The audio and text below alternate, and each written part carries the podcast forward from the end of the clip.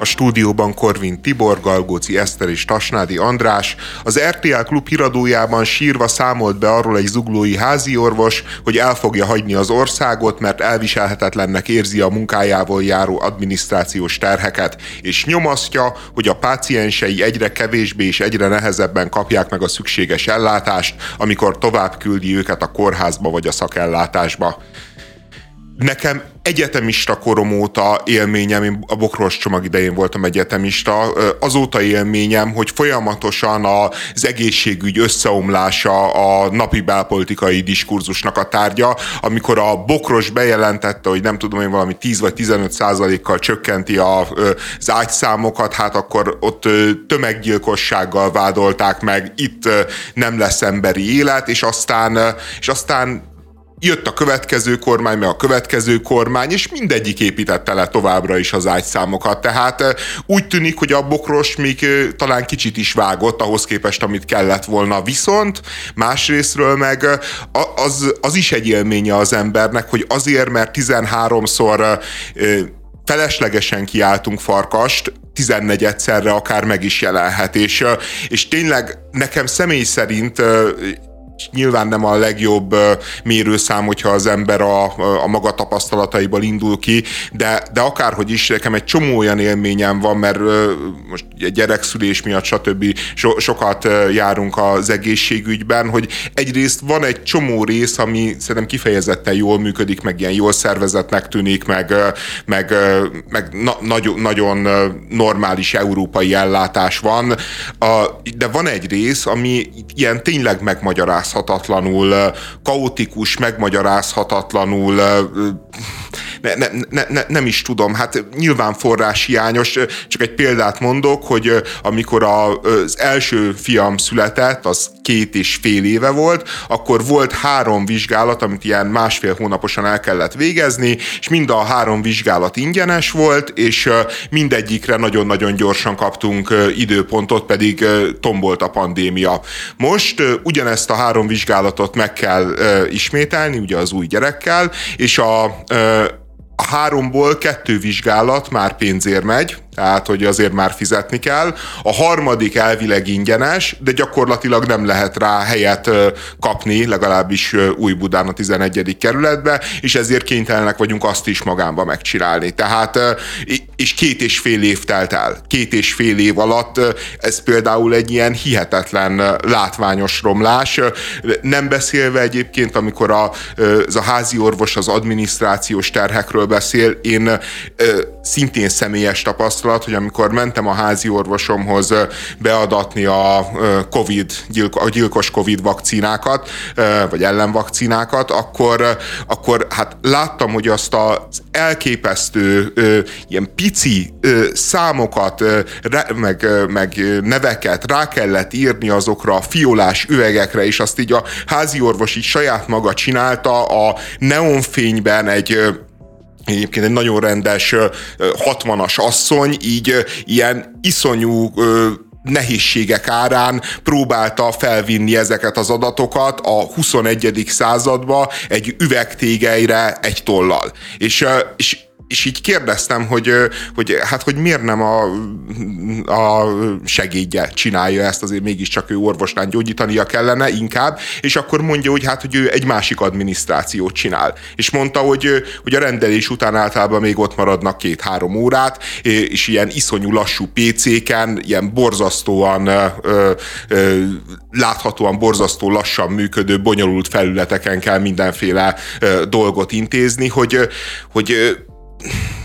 hogy tényleg azt érzi az ember, hogy ezt az egész dolgot már tényleg csak a jó Istennek a szeretete tartja össze. Hát meg egyébként a benne dolgozók, nekem hál' Istennek a, az utóbbi években inkább csak közvetett tapasztalataim voltak az egészségügyben, az viszont viszonylag sok. Rokonaim, szeretteim voltak különböző intézményekben, és amikor bejártam, akkor nekem mindig az volt a tapasztalatom, hogy bármilyen is a környezet, vagy, vagy bármennyire is mondjuk hiányos a felszereltség, egyetlen egy dolog az mindig, majdnem mindig fixen volt, hogy nagyon kedvesek azok az emberek, akik bent vannak, és még akkor is, hogy, hogyha én ilyen hiperaktív vagyok, és nagyon szeretem tudni, hogy éppen mi történik, mindenki türelmes, és mindenki jó szándékkal fordul a, a másik felé. Ezt én azért minden ilyen helyzetben szeretném kiemelni. Hát, mert... Nekem azért volt, voltak ellenpéldáim, de, vagy vannak ellenpéldáim, de alapvetően igen igaz, de azt gondolom, hogy az egészségügy, meg általában az olyan szakmák, az ilyen gondoskodó szakmák, amik azért nagyfokú elhivatottságot, meg altruizmust követelnek, ott, ott, ott lényegesen több a türelmes meg a kedves ember, mint mondjuk a jogászok között, vagy meg a BKV ellenőrök A gyerekszülést említetted, hogy az tipikusan egy olyan terület, hogy ott ugye nagyon komoly. Jó, most már elvileg nem, de az elmúlt években, amíg még a hálapénzes rendszer működött, az kifejezetten egy profitábilis terület volt az orvosoknak. Tehát ott nyilvánvalóan az, az orvosok hozzáállása is más a, a, a kismamákhoz, meg a, meg, a, meg a páciensekhez, mint mondjuk egy sürgősségi ellátásnál, vagy egy, vagy egy olyan, olyan részlegen, ahol ugye, ahol ugye ez nincs úgy meg. Igen, de most a, a mostani problémák, meg a mostani viták, ugye a Magyar Orvosi Kamera befeszült a kormánynak, és nem akarják a, a most elindított egészségügyi reformot végrehajtani. Ugye nagyjából arról szól, hogy ezt a házi orvosi ellátást, ezt akarja a kormányzat átszervezni. Egyébként egy zseniális megoldást eszeltek ki. Ugye az volt a helyzet, hogy, hogy van valami 690 betöltetlen házi orvosi praxis Magyarországon. 691. 691. Tehát 691 betöltetlen házi orvosi praxis van Magyarországon, és hát két lehetősége volt a kormánynak, vagy találni 691 házi orvost és feltölteni ezteket a helyeket, vagy azt mondani, hogy, hogy nincs is szükség ennyi praxisra, nincs is szükség ennyi orvosra, és, és jóval kevesebből is meg lehet oldani, és hát a kormány értelemszerűen emellett döntött, és azt mondták, hogy a jövőben nem lesz annyi helyen rendelés, nem lesz annyi helyen ügyelet, és, és át, ilyen módon átszervezik a házi orvosi rendszert, amely házi orvosi rendszer nekem nehéz megítélnem, hogy mennyire túlterhelt vagy nem túlterhelt, de az biztos, hogyha, hogyha sürgősen kell nekem a saját házi orvosomhoz mennem, hát azért nem egyszerű bejutni. Tehát ha, ha, ha erre van méretezve a mostani rendszer, és ennél majd rosszabb lesz, akkor azért felvetődik a kérdés, is, hogyha mondjuk valakinek tényleg valami hirtelen baja, komoly problémája van, stb., az hogyan fog bejutni az ellátórendszerbe, mert, mert, mert most sem egyszerű. De legalább Izle... neked van hova menned. Tehát, hogy itt azt hiszem, hogy ez a legnagyobb probléma, hogy így mi még ugye azokban a térségekben lakunk, ahol tudjuk, hogy hova tudunk menni, csak van egy csomó hely, ahol már ez nem létezik. Izlegessük még ezt a kifejezést, amit olvastunk ebben a cikkben, hogy ágyszám fetisizmus. Tehát én azt gondolom, hogy azért politikai kommunikáció szintjén ebben az a, megdöbb, az a legmegdöbbentőbb, hogy a rendszerváltás óta Magyarországon a, talán a leginkább, az oktatás mellett a leginkább elhanyagolt ö, szociálpolitikai terület az az egészségügy, és két, ö, 2023-ban ott tartunk, hogy a politika legmagasabb szintjén ágyszám fetisizmusról beszélnek a döntéshozók. Tehát, hogy legalább politikai kommunikáció szintjén jelenne az meg, hogy óriási erőforrásokat kéne fordítani az egészségügynek a fejlesztésére, a kórházaknak a, a felújítására, esetleg új kórházak létrehozására, béremelésekre, kiegészítő személyzetnek a, a, a, a, a növelésére. Ehelyett ágyszám fetisizmusról beszélünk, holott olyan várólisták vannak a legtöbb kórházban ö, ö, orvosi, orvosi dolgokra, hogy, hogy rendszerváltás óta egyre csak rosszabbodik a helyzet, és hogy politikai kommunikáció szinten még el sincs ismerve ez a probléma, hanem ágyszám fetisizmusról beszélnek. Igen, és egyébként ugye arról beszélt a, ez a Takács Péter államtitkár, hogy a helyi fideszes képviselőket kell neki meggyőznie, meg, meg velük konfrontálódnia, mert hogy hát, hogy ez helyben nem szimpatikus dolog, hogy le akarnak építeni különböző gyógyító kapacitásokat, miközben hát, hogy az, az szükséges, meg fetisizmus de nekem még csak egyébként nem is ez volt a legprovokatívabb kijelentése a, ennek a Takács Péternek, hanem amikor arról beszélt, hogy, a, hogy, hogy az orvosok közül vannak olyanok, akik jobban keresnek, mint egy államtitkár, mint jobban keresnek, mint ő. És akkor ezt így elmondta, hogy hát, hogy itt nincs is semmi baj, hát itt az orvosok azok olyan jól keresnek, hogy jobban keresnek, mint egy államtitkár, amihez hát így két megjegyzés, ugye egyrésztről az orvosok most kifejezetten nem béremelésért küzdenek, hanem azért küzdenek például, hogy hétfő reggel, amikor telefonál a nem tudom én milyen központ, akkor nem mondhassa azt, hogy ma nem Debrecenbe mész dolgozni, hanem Nyíregyházára. Tehát, hogy ilyesmikért küzdenek a, az orvosok, nem a pénzükért, másrésztről meg szerintem az egy halálnormális dolog, bármilyen országban, bármilyen nyugat-európai országban egyébként így is van, hogy az orvosok egy jelentős része az jobban keres, mint egy államtitkár. De ebbe az a vicces, hogy 30 év után megtörtént az orvosoknak a, a rendszer szintű béremelése, és egy évvel később már arról beszél a politika, hogy többet keresnek az orvosok, mint az államtitkárok. Tehát akkor csökkenteni kell az orvosok fizetését? Vagy tehát akkor most már döntsük már el. Nem, hogy... ez inkább arról szól, hogy az orvosok most már megkapták a pénzüket, most már Persze, maradjanak értem, csöndben. Csak ez milyen, milyen megállapítás már, hogy vannak olyan orvosok, akik többet keresnek, mint egy államtitkár. Tehát, és akkor mi van? Tehát, hogyha az orvos reggeltől estig életeket ment, és tíz évig tanult azért, hogy elsajátítsa azt a szakmát, és elképesztő társadalmi haszna van a munkájának, miért ne kereshetne többet, mint egy államtitkár, könyörgöm? Na, hát azért, mert ő úgy van vele, hogy ő meg segget nyal tíz évig, és, és államtitkár lett, és azért hát jó, lehet, hogy nem ér, még azt se tudjuk, hogy egyébként mekkora szaktudást érdemel, de viszont nagyon gusztustalan munka, és ezért azt gondolja, hogy neki járna a sokkal több pénz. A, arról is beszél. Mint hogy melyik. Most nyilván az államtitkárról beszélsz, csak hogy egy kicsit ilyen... Nem tudom, nem tudom. Én bármelyikről beszélek. Nem, nem merek ebbe nagyon nyíltan állást foglalni. Arról is van szó, hogy azt mondják a, ezek az egészségügyi reformnak a belügyminisztérium által kinevezett végrehajtói, hogy a kórházi minimumnapok számát is csökkenteni akarják. Magyarán azt jelent, ez azt jelenti ez a változás, hogy eddig mondjuk az volt a kórházi protokoll, hogy valakinek kivették a máját, a vakbelét, a lépét, mit, nem, nem tudom miket vesznek ki, és, és azt mondta az orvosi kamara, vagy az aktuális szervezet, ami ebbe dönt, hogy ezután három-négy napig ben kell lenni megfigyelésre, folyamatosan jelen kell lenni, hogy, hogy, hogy rendben van-e a paciens, és akkor kiengedni, amikor tudjuk biztosan, Ezzel hogy történetesen én, én azért értek, nem egyetértek, mert annyira nem ismerem szakmailag a kérdést, de azért érdemes ezen elgondolkodni. Kettő dolog. Egy, Nyugat-Európában, de főleg az Egyesült Államokban ez egy nem létező történet, hogy napokra ott tartanak valakit olyan beavatkozásokért, amik egyébként nem igénylik a többnapos ott létet. Például gyermekszülésnél aznap, vagy legrosszabb esetben másnap hazaküldik a kismamát a gyerekkel együtt, meg az ilyen kvázi rutinműtétnek számító dolgoknál egy-két napon belül hazaküldik a, a, a pácienst. Tehát ez már fölveti annak a kérdését, hogy orvosilag ez valóban indokolt-e. Kettő, rendszer szinten működik a kor, ugye a kórházak az alapján kapják a normatívát, meg az állami támogatást, hogy hány éjszakát töltenek ott a betegek. És például én is, én is tudok olyanról, már nekem is született három gyerekem, hogy, hogy megkérték a kismamát, hogy amikor, amikor először ment a kórházba a kapcsolatfelvételre, hogy, vagy amik nem is, amikor, amikor született a kisgyerek, hogy hadd írják már be a jegyzőkönyvbe, hogy veszélyeztetett terhesség volt, mert azután magasabb állami normatíva jár a kórháznak holott egy teljesen átlagos terhesség hmm. volt, és megkérték a, a kórházban, hogy ez hagy így történjen, mert nekik az, nekik az úgy jobb lesz.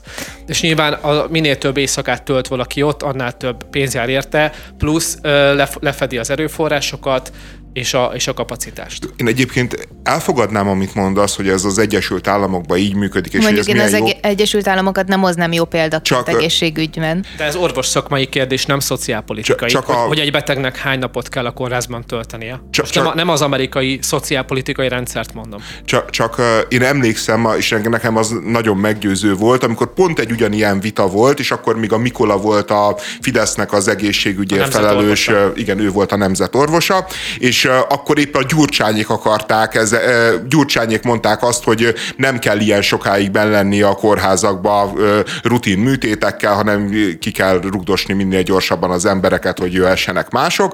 És akkor a Mikola mondta azt, hogy, hogy Ugye ez az, nyilván az Egyesült Államokban így van, és egyébként, hogy erre, ezért nagyon, ez a, ezzel tudja szemléltetni, hogy miért jó az európai egészségügy az amerikai egészségügyhöz képest, mert az amerikai egészségügy az úgy gondolkodik, hogy bejön egy beteg, végezzük el a műtétet, menjen ki, jöjjön a következő műtét. És azt mondja, hogy az európai egészségügy meg úgy gondolkodik, hogy jöjjön be egy beteg, végezzük el a műtétet, gyógyuljon meg, és utána menjen ki. És azt mondja, hogy, hogy nyilván egy csomó hat hatékonysági szempontból jobb az amerikai rendszer, de azt mondja, hogy ez az európai hozzáállás, ez viszont egész egyszerűen hát egy nagyobb ö, ö, biztonságot, egy, egy jobb társadalmi ö, mm, közérzetet, meg egy jobb társadalmi egészséget eredményez. És, és akkor ugye a Fidesz állt még bele ebbe a véleménybe, és lehet egyébként, hogy ezek nyilván nagyon-nagyon durván szakmai kérdések, csak, csak amikor 5-6 évente így teljesen megfordulnak a szerepek, hogy éppen ki mi mellett érvel, akkor, akkor én már magukat, magát a szakmaiságot nem tudom komolyan venni a politika részéről. Én igazából az egészben azt sajnálom a legjobban, hogy ahogy említetted, ez orvos szakmai kérdés. Tehát, hogy itt, hogy, hogyha valakinek meghallgatnám a véleményét, azok maguk a szakemberek. És nem biztos, hogy arra vagyok kíváncsi, hogy egy, egy kormány különböző, nem tudom, milyen pénzügyi krízisekben hogyan próbál hozzányúlni nyúlni az egészségügyhöz, hanem hogy legyen végre rendszert szinten tisztázva minden. Mert én el tudom fogadni azt, hogy mondjuk a házi orvosi rendszer, vagy az, hogy hova küldözgetünk kit, miért, és végig kell lejárni ezeket a különböző lépcsőket, vagy mondjuk jobb lesz, hogyha a mentőszolgálat az éjszakai ügyeletet átveszi, mert megtörténhet, hogy ezek ilyen racionalizálásra szorulnak, lehet, hogy valahol be kell zárni részlegeket, lehet, hogy valahol lehet csökkenteni egy számot, lehet, hogy valahol növelni kell, csak nekem az az érzésem, amikor így nekiállnak politikusok ebben matekozni, akkor én nem biztos, hogy bízok benne, hogy ebből a rendszerből valaha jobb lesz. Hogyha egy, egy meggyőző szakember állítaná, akkor lehet, hogy jobban elhinném és hogy még matekozzunk a legvégére egy keveset, 30 év alatti házi orvos Magyarországon van összesen 6 darab, 6 darab, és 35 alatti meg van 64, ezzel szemben viszont 70 év fölötti van vagy 900. De ez az adat nekem akkor, len, akkor lenne releváns, hogyha tudnánk, hogy mondjuk 10 évvel ezelőtt mi volt ugyanez a szám, és 20 évvel ezelőtt. Mert az, hogy 30 év alatt hány házi orvos van, tehát eleve mondjuk 18-19 évesen elkezdi valaki valaki a, az orvosi egyetemet, 7-8 éven belül biztos nem lesz házi orvos, de lehet, hogy nem tudom, tehát hogy mondjuk hát olyan 8 év, 28 év, év, talán 28 év előtt eleve nem Igen. lehet házi orvos, tehát van ki, tehát hogy ezért mondom, hogy érdekes az adat, de tudni kéne ahhoz, hogy értelmezzük a 10 meg 20 évvel ezelőtti de brutális adatokat. az előregedés, brutális az előregedés. Ezt nem vitatom, és, persze. Ja, a, igen, jó, nem tudjuk, hogy 30 éve mi volt az adat, de én nagyon félek, hogy ha tudnánk, akkor nem lennénk derűsebbek. A Fiatal Családosok Klubja, FICSAK, fontos oktatáspolitikai problémára hívta fel a figyelmet. Persze nem a bérrendezésről, a túlterheltségről, nem a sztrájkjogról vagy az önálló minisztériumról beszéltek a civilnek tűnő, de erősen Fideszhez köthető szervezetben, hanem arra a fontos problémára hívták fel a figyelmet, hogy mert nem illik farsangi mulatságot tartani a nagybőti időszakban. Hát Eszter, te ilyen gúnyosan mondod el, én, én azért nem gúnyolódnék azon, hogyha egy civil szervezet a saját nünükéit tartja fontosnak, és nem az ellenzéknek az aktuális topikjait. Tehát az, hogy ők ezt felvetették, és, és az a ilyen indulatdömping, ami erre válaszul jött, az szerintem egy teljesen nonsens. Azt kérték, hogy, hogy kérték. Tehát, hogy nem azt mondták, nem törvénytervezetet adtak be a parlament elé, hanem azt kérték az iskoláktól, hogy lehetőleg szervezzék úgy a bőjti időszakot, hogy a, vagy a farsangi időszakot, hogy az ne üsse a bőjtöt. Ami nem egy irreális kérdés, mert bár nyilván lehet egyébként karácsonyt is ünnepelni júniusba, lehet húsvétot ünnepelni decemberbe, de hát ezeknek a az ünnepeknek azért megvan az ideje, és a farsangnak vége volt most szerdán, a farsangi időszaknak, és most jön a bőti időszak. És az, hogy ők ezt felvetették, kérték, és erre, erre ez a brutális gúnyolódás, meg, meg, meg szemforgató ilyen, ilyen mártíromság, amit elővezetnek, az, az engem egész egyszerűen megdöbbentett, mert, mert, mert azt érzem, hogy, hogy miközben az ellenzék, meg az ellenzéki érzelmű választópolgár azt várja el, hogy az ő kisebbségi véleményével, meg kisebbségi szempontjaival szembe legyen megértő a kormányzat, aközben ők, amikor találkoznak egy kisebbségi véleménnyel, egy kisebbségi szemponttal, akkor a legarrogánsabban és a legkeményebben söprik le az asztalról. Szerintem érdemes kettészedni ezt az egész kérdést, mert van a gyakorlati része, és van az, az elméleti vagy ideológiai része. A gyakorlati része én abban egyetértek Andrással, hogy olyan dolgot kért a, ez a keresztény szervezet, vagy fiatal családosok klubja, klubja nevű szervezet, ami nem veszel a másik féltől. Tehát nem eltörölni kérték a farsangi ünnepséget, hanem azt kérték, hogy egy vagy két héttel előbb tartsák már meg, ami szerintem egy méltányolható kérés, mert ezzel senki nem veszít, ők viszont, ők viszont örülnek, hogy nem lóg bele a keresztény ünnepbe.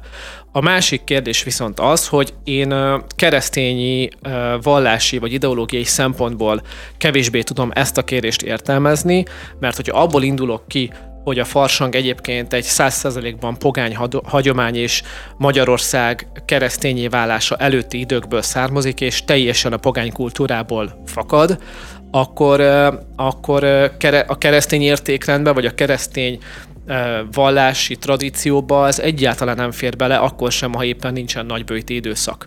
Tehát, hogyha, hogyha keresztény ideológiai szempontból van problémája ennek a szervezetnek a farsanggal, akkor viszont az nem megoldás nekik, hogy csak a nagybőjt alatt ne legyen, mert különben akkor azt gondolhatnánk, hogy ez egy képmutatás. Ja, Tehát... De hát évszázadokon keresztül élt egymás mellett a kereszténység, Értem, mint én, csak már megfogalmaznak ilyen kéré. Tehát én azt gondolom, hogy egy szekuláris intézményben egyébként mindkettőnek elvileg lehet helye, hiszen elvileg érvényesül az állam és az egyháznak a ketté választása, tehát hogyha lehet, lehet a nagybőjtről megemlékezni, akkor a farsangról is lehessen. Nem ugyanez a helyzet egyébként keresztény fenntartású vagy egyházi fenntartású iskoláknál, de, de én azt gondolom összességében, hogy méltányolható a kérés, de viszont ideológiailag meg bennem fölvet kérdéseket, hogy a keresztény neveltet, a gyerekeiket keresztény neveltetésben részesítő szülőknek mondjuk januárban miért fér bele a farsang, ami egy pogány hagyomány? De, de, de miért ne férne? Tehát, hogy azért, mert valaki keresztény, azért mi, miért ne mehetne és vehetne részt mondjuk, mit tudom én, Rióba, a nem tudom én milyen fesztiválon, ahol uh, voodoo uh, szeánszot tartanak. Ez egy, Tehát, azért, mert ez egy keresztény etikai kérdés. Tehát azért a Bibliában az új szövetség is uh, korlátozza azt, De hogy... ez egy ilyen nagyon fundamentalista álláspont, nem? Fundamentalista hát, álláspont. Abszolút. Hogy, a, hogy az új szövetség alapján mi számít a kereszténység, a Biblia szerint bűnnek és nem bűnnek? De... Hát már miért lenne? Hát ez a kereszténységnek a lényege, András. Ez nem fundamentalista. Hát miért akkor rögtön ott tartunk, hogy akkor a házasságtörés sem bűn a Biblia szerint? De, de, de, a háza, de bűnök és bűnök között is érzünk különbséget, meg, meg én, én, azt gondolom, hogy van egy csomó ilyen dolog, hogy most nyilván a farsagnak pogánygyökerei vannak, mint ahogy egyébként a fenyőfának is pogánygyökerei vannak, mégis uh, integrált része lett a kultúrának. Én azt gondolom, hogy a, a, a kereszténységnek azért a legfőbb üzenete az, hogy, hogy hogy legyünk humánusak egy, egymással, szeressük egymást, mint fele barátainkat, mint szerintem, önmagunkat. Szerintem meg, amit és mondasz, ezek a fontos hogy... üzenetek, és a, szerintem a farsang, meg a, meg a karácsonyfállítás nem megy szembe ezzel az üzenettel. De ez két külön dolog, a farsang meg a karácsonyfállítás. Mert a karácsonyfa állítás szimbolikusan mégiscsak Jézusnak a születésének a megünnepléséről szól. De egy pogány hagyomány. Értem, de a pogány, pogány tradíció ráépült a keresztény ünnepre. Farsang esetében erről nincsen szó. Egyébként visszatérve csak, mert itt nagyon meglettem szólva, tehát hogy ez a fiatal családosok klubja, én nem akarok nagyon nekik menni, mert őszintén mindenki azzal foglalkozik, amivel szeretne. Én egy kicsit azt érzem, hogy ha valódi lenne az igény arra, hogy nem tudom, hogy a farsang és a nagyböjt ne csúszson össze, akkor lehet, hogy ezt mondjuk a februári időszak elején kiadom egy közleménybe, hogy felhívjuk a figyelmet, hogy ilyenkor érdemes farsangi mulatságot tartani, stb. Ami pedig ezt a fajta ilyen, nem tudom, visszhangot kavarja, az pedig inkább az, hogy az oktatás ügyben, tehát hogy én nehezen tudom elképzelni azt, hogy a szülők csak azt jelzik, hogy rossz időpontban van a, a farsangi mulatság, és mondjuk azt nem jelzik, hogy tanárhiány van a saját iskolánkban, hogy a gyermekeink nem kapnak rendes oktatást, és ez nem feltétlenül azon múlik, hogy rosszak a tanárok oda bent, tehát hogy nekem csak egy kicsit így Furcsa Nyilván az ez az a kultúrharcnak a része. Te igen, arra akarsz igen, mondani, igen, hogy igen. Ugye ez nem egy független, vagy száz százalékig nem független szervezet, hiszen ö, ők azért ö, állami szervektől kapnak támogatásokat. Nyilván érzik, hogy a kultúrharc részévé kell válniuk.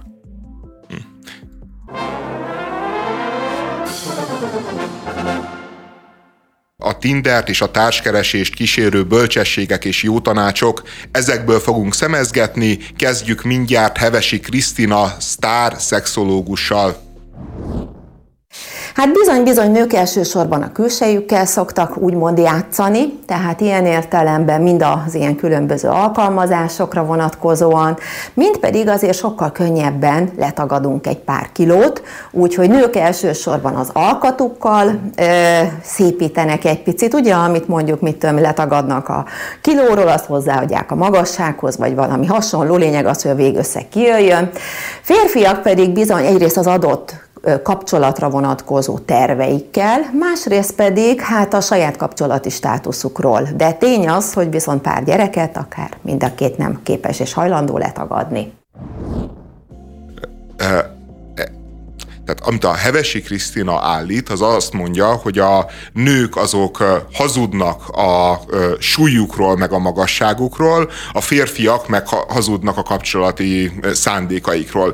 Én teljesen elfogadom, hogy a, tényleg a férfiak általában hazudnak a kapcsolati szándékaikról. Szerintem ezzel ellen nehéz érvelni. Tehát szerintem ebbe e, igaza van neki. Ebbe igaza van, de, de azt állítani a tudományosság álcája mögött meg valamilyen, nem tudom én, 560 fős kutatásra vagy kérdőívre hivatkozva, hogy a nők azok többet hazudnak a kinézetükről, szerintem annyira nonsens, meg annyira nem érti ezt a világot, aki, aki ezt állítja. Tehát, hogy a Tinder az pont az a hely, helyszín, ahol mindenki a lehető legjobb fényképet rakja be, hogyha három évvel ezelőtti a legjobb fénykép, akkor gond nélkül a három András, évvel... ez nem csak a Tinderen van így, hanem az összes digitális platformon. Ja, az Instagramon, a Facebookon, tehát azok azért halványan tükrözik csak a valóságot. Főleg, főleg egyes, hogy mondjam, egyes csoportok. Jó, csak, csak azt állítani, hogy, hogy a nők azok hazudnak, hogy férfiak, ti vigyázzatok azzal, hogy, hogy az a fénykép az mit jelent, meg az a súly az mit jelent, de a nők alapvetően bízhatnak abba, hogy a fiatal ember az tényleg 195 centi magas, és tényleg hihetetlenül kisorportolt testű, ahogy Csak lehet, állítja. hogy nem szeretne mégse feleségül venni téged az első pillanatban. Egyébként én azon gondolkoztam, hogy ezt hogy lehet így felmérni. Azért azt a kérdévet megnézném, hogy így ö, szoktál hazudni a Tinder profilodba, és akkor én őszintén azt mondom, hogy jaj, persze, hát egy picit izé, nem tudom, letagadok a nem 53 kilót mondok, hanem 50-et, tehát hogy így nincs az a szituáció, amiben a súly így előjön, és ebben tök igazad van, András, hogy ez csak így nem értése a mai világnak, hogy vannak a, a face meg a, meg a nem tudom, hogy hogyan állok be a tükör előtt szelfizni, és azzal melyik formámat tudom megmutatni. Szerintem a, a mai fiatalok, és most nagyon boomernek hangzok, én is érzem, de hogy így ma már gyakorlatilag így azzal élünk együtt, hogy ez az életünk része, hogy megtanuljuk minél fiatalabban, hogy hogy lehet jó képet csinálni magamról, hogyan lehet nagyon előnyösen feltűnni bárhol is. Meg egyébként mi az, hogy hazudnak maguk magukról. Tehát igen, itt fölmerül az a kérdés, hogy azzal, hogy a leges-leges legjobb oldalamat akarom mutatni, már elvileg azzal is hazudok. Tehát ha mondjuk a Korvin Tibornak az átlaga nem azt teszem ki, vagy a Galgóci Esztenek az átlaga nem az jelenik meg az Instagramodon, hanem a legjobb képek, a legszebb fényekkel, a legszebb ruháidba, stb. Elvileg az is hazugság, pedig az is te vagy, de csak a valóságodnak egy szeletét mutatod meg. Tehát mi az, hogy valóság? Az, hogy próbálok a 56 kg helyett csak 52-nek tűnni, mert behúzom a hasamat a fényképnél, akkor az is hazugság. Tehát ez ilyen nagyon, nagyon nehezen kezelhető kérdés szerintem, de ugyanakkor az is tény, hogy a nőknek egyébként nagyobb az eszköztáruk arra, hogy hogy minél jobb képet mutassanak magukról. Gondolok itt a különböző, tehát a férfiak Jó, a nem smink, sminkelik magukat, nagy, nem, nem, nem csinálják meg a hajukat, nem, nem, nem, nem tudnak annyira eltérően Kimondom helyetted, nincsen push-up melltartójuk. Igen, igen, és akkor, és akkor még a plastikai beavatkozásokról nem is beszélt. Jó, az mondjuk a férfiaknak is adott. Én amúgy azon gondolkozom, hogy még visszatérve a módszertanra, mert nőnöke, tehát hogy ez akkor lenne egy ilyen reális felmérés, és még az én tapasztalataim szerint akkor se feltétlenül, hogy, hogyha azt kérdeznénk meg emberektől, hogy ők mit tapasztaltak a különböző partnereikkel kapcsolatban, akik, akikkel mondjuk Tinderen találkoztak, hogy, hogy ők mondjuk a képeik alapján tökéletesen úgy néztek ki, mint ahogy megjelent az élőben, stb. Csak nekem ebben is az a problémám, hogyha ez így zajlott volna, tényleg nem reprezentatív, a körömben lévő férfiakról megfigyeltem, hogy nem nagyon szúrják ki a képekről, hogy hol vannak benne az ilyen kicsi kis, nem tudom, szépítések, tehát mondjuk például egyébként igen, a push-up melltartó, a, a nem filter. tudom, az olja.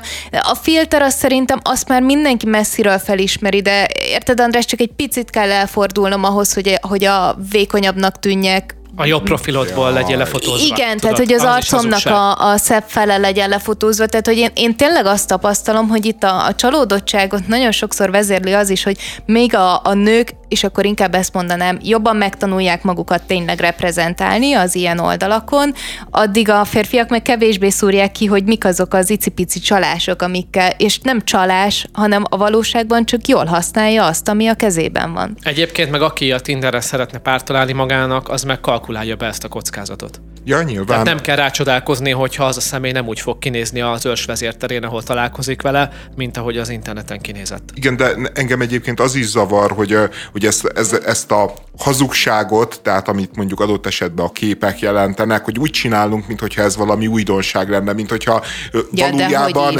nem arról szólna mindig a párkeresés, meg a párkapcsolat, hogy az ember elkezd valakivel randizni, és mindent megtesz azért, hogy az összes jó tulajdonsága az ki legyen domborítva a százszorosára, és az összes rossz, rossz tulajdonsága meg valahol legyen nagyon-nagyon mélyen lefolytva a tudattalanjába. Tehát, hogy az emberek azok folyamatosan manipulálják, amikor, amikor randíznak, manipulálják egymást, és annyi történt csak, hogy, hogy most nyilván a kinézettel jobban lehet manipulálni, amíg csak fotók vannak, meg fotók cseréje van, de hát a 16. században, amikor a királyok egyébként úgy házasodtak, hogy küldtek festményeket az adott hölgyről a király udvarba, meg nyilván a királyfiról is küldtek a másik udvarba festményeket, és hát... Vagy jobbra húzták a festményt, vagy balra? Hát az a baj, hogy nem nagyon volt opciója ilyenkor a királyfinak, meg a királylánynak jobbra-balra húzni, mert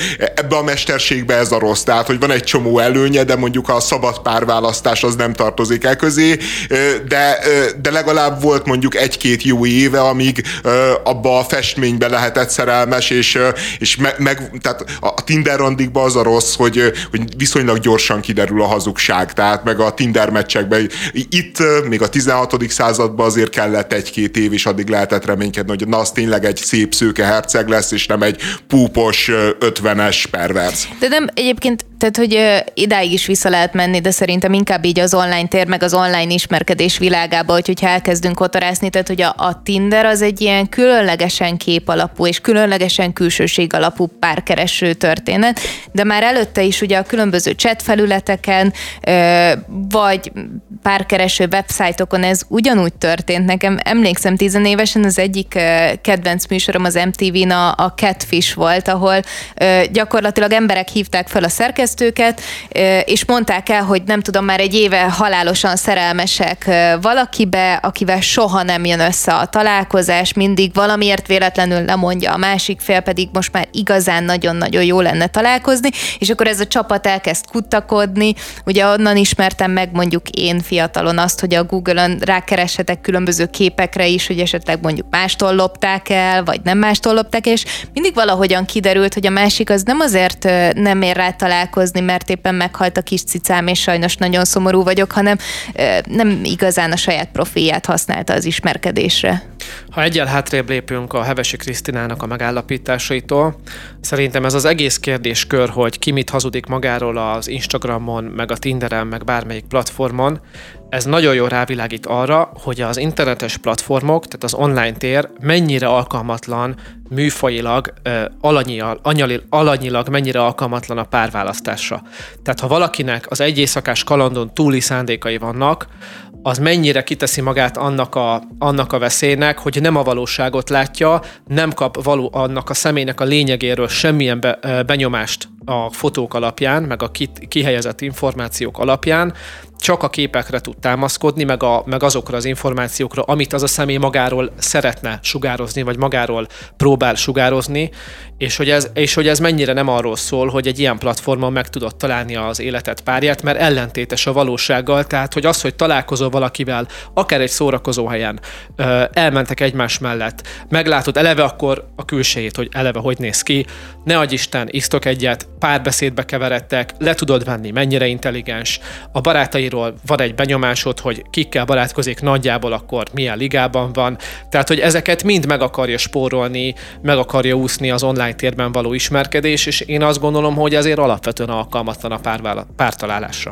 Én amennyire szeretem szidni a Tindert a felszínessége miatt, mert mint hogy az első információink azok tényleg csak arról szólnak, hogy hogyan néz ki a másik, azért a, nekem van ezzel ellentétes tapasztalatom. Nem Tehát, mondtam, hogy, hogy nincs ellenkező példa rá. És, és csak azt szerettem volna kiemelni, hogy ö, a valóságban a Tinder tud megnyitni olyan szituációkat vagy helyzeteket, és tud olyan kapcsolatokat összehozni, ahol két ember egyébként nagyon egymásra tud találni, de a világaik alapvetően nagyon távol állnának egymástól, tehát mondjuk nem szórakoznak ugyanazokon a helyeken egyszerre. Itt mondjuk még az is játszik, hogy vannak nagyon befelé forduló emberek, a munkahelyük az teljesen máshol van, iskolába soha nem jártak egy helyen, a baráti társaságaik tök különbözőek, és mégis ők ketten nagyon is kompatibilisek egymással. Én szerintem ez egyben a helyzetek esetben jó lehet a Tinder, csak valahogyan tényleg túl kellene... Szerintem egy sem éri el. Hmm, va, még, még van nagyon, so, nagyon sok, meglepően sok ellenpélda van, de nyilvánvalóan ö, többség az, az mindig ilyen rossz tapasztalatokkal vagy rossz ízzel tud távozni egy olyan randiról, ahol tényleg élete szerelmét ö, kereste. Viszont erre ö, pár hónappal ezelőtt a, a Tinder kiadott egy ilyen frissítést, amit lehet használni elméletileg, hogy nem mutatja meg neked a másik embernek a képét, hanem feltesz különböző kérdéseket nektek, nem tudom, milyen, ha jól emlékszem, ilyen teljesen egyszerűek, hogy ketchup vagy majonéz, vagy nem tudom, tehát hogy jaj, ilyen kisebb jaj, fajta párbeszédet ne, ne, lehet ne, folytatni. Ne, ne, ne. És így már, így már aztán... mélyebb, mélyebben meg tudod ja, Nem, nem valószínű, csak azért mondom, hogy, hogy de ne, ez iszonyatos, ez, ezek de az ez rettenetes. Én csak azt mondom, hogy én bízok benne, hogy hosszú idő után el tudunk jutni a fejlődés egy olyan szakaszára, és mint látjuk a Tinder próbál investálni abba, hogy ne csak képi alapon tudjál ismerkedni, hanem hogy ezeket egy még valahogy... módon. Tehát nem, nem, hogy valahogyan kiküszöböljük ezt a hibát algoritmusára bízni, hogy ő kidob föl nekem, hát hagyjuk már. Hát hol, mi köze van ennek a Tinder a algoritmusa azt szerint dobja fel neked a csajokat, hogy te mennyire vagy jó pasi. Mm. A képed mennyire jó, maradjunk annyiba. Hát igen. Volt az úgynevezett Dark, dark Triad, ami a, a fekete, sötét hármast jelenti. Három olyan személyiségvonás, amit jobb kerülni. Ugye az egyik a narcisztikus, a másik a pszichopata. Ugye a pszichopata az empátia hiány. Nem szeret, nem szorong, nem tanul a hibáiból, elsősorban így a bűnözéssel szokták párhuzamba vonni. A harmadik pedig a machiavellizmus. A machiavellizmus mit jelent? Ugye Machiavelli a fejedelem, aki hogyan tudta manipulálni a más személyeket. És hát igen, tehát gyerekek esetében szokták azt megfigyelni, hogy például honnan lehet felismerni, hogy valaki ilyen, hogy az iszonyú rossz ízű kekszből minél többet tud megetetni a kortársaival, tehát a többi gyerekkel. Rá tudja venni őket, hogy azt is megegyék. Tehát ez a hármas, és mellé még megjelent negyediknek ugye a szadizmus, tehát ilyen értelemben már tetrádról beszélhetünk, eh, hogy az is, ami pedig nem feltétlenül fizikai, hanem valahol a másiknak az érzelmeivel való eh, játék, valahol az érzelmei révén való, ez a húz meg, erez meg gyötrés.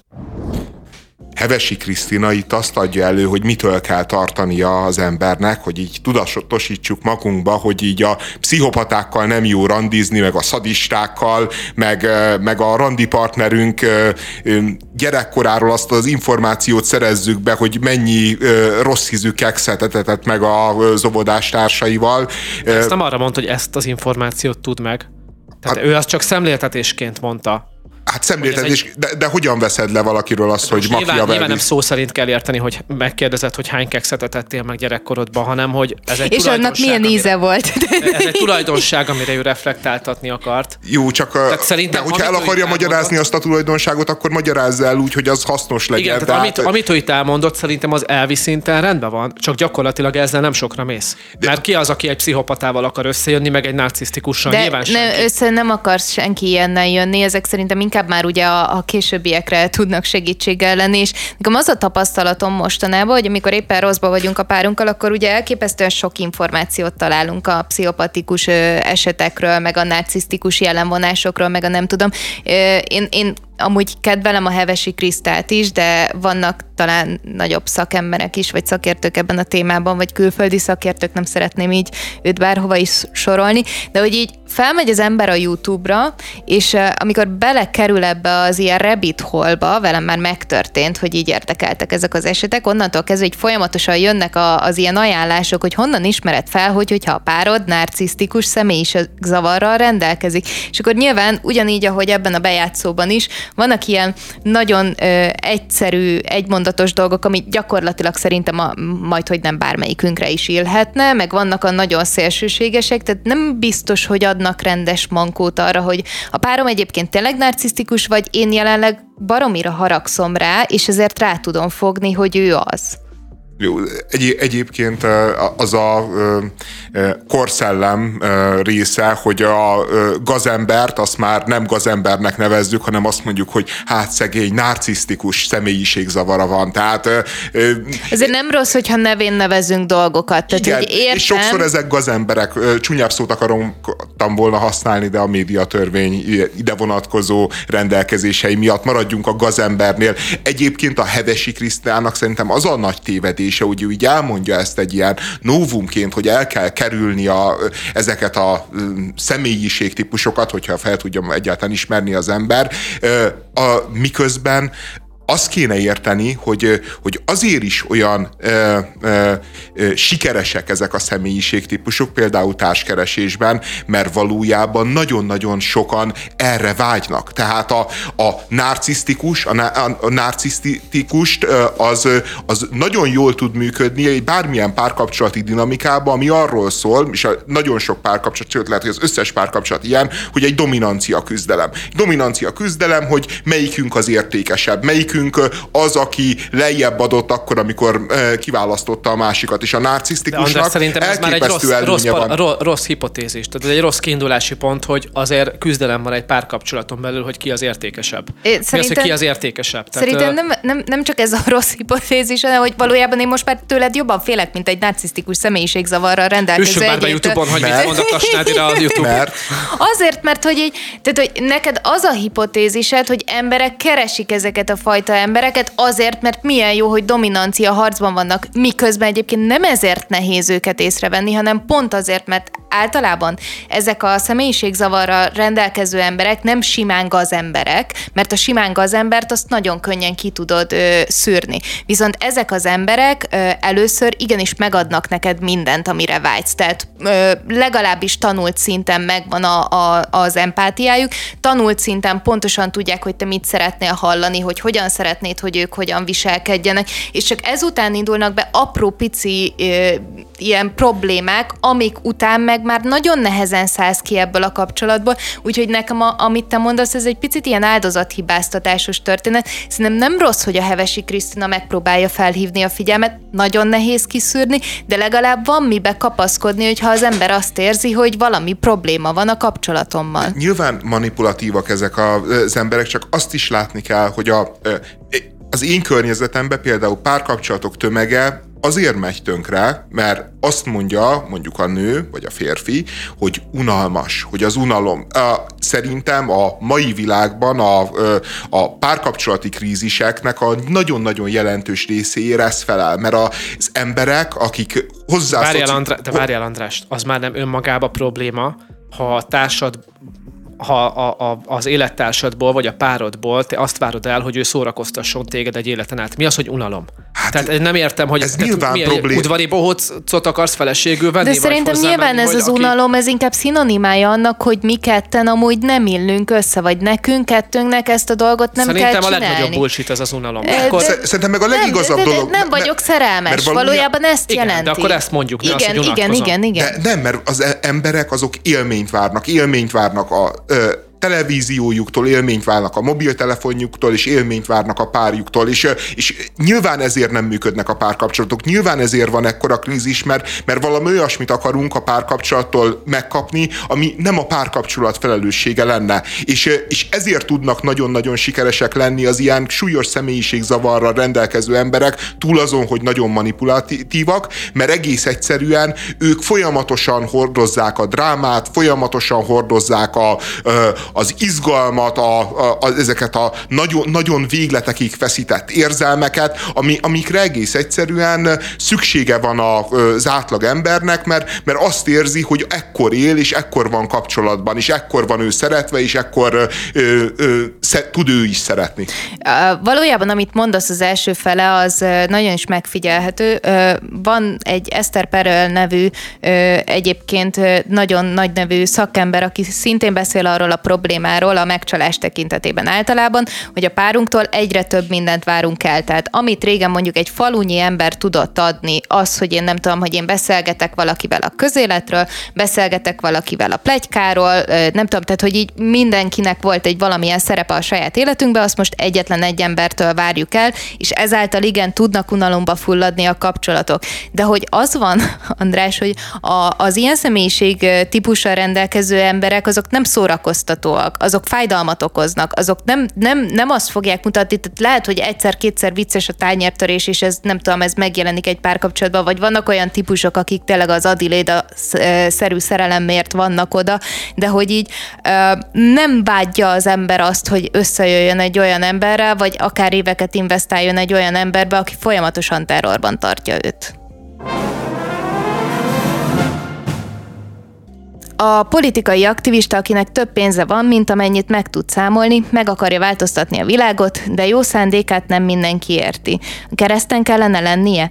Ismerd meg az emberiség megmentőjét és ellenségeit. Ezzel a szösszenettel ajánlja egy holland társulat a Soros György életét feldolgozó musical előadását, amelyben többek közt megjelenik egy gyíkember a Soros György musical az annyira zseniális ötlet egyébként. Én, én egy, egy igazán jó világban, egy igazán uh, utopisztikus uh, jövőben azt tudom elképzelni, hogy a politika nyelve az kizárólag Soros György musicalekből állna, és, és a különböző táborok különböző Soros György musicaleket vinnének színpadra. Lenne az a Soros György musical, ahol van egy szegény zsidó fiú, akit üldöznek ugye a holokauszt ide idején elmenekül Amerikába, ott hatalmas sikerre tesz, te, meg gazdagságra tesz szert a, a tehetsége, meg, a, meg az eszel folytán, és, és utána ezt a sok-sok pénzt, ezt mind az emberiség javára fordítja, akkor lenne egy másik Soros György musical, amelyik arról szólna, hogy van egy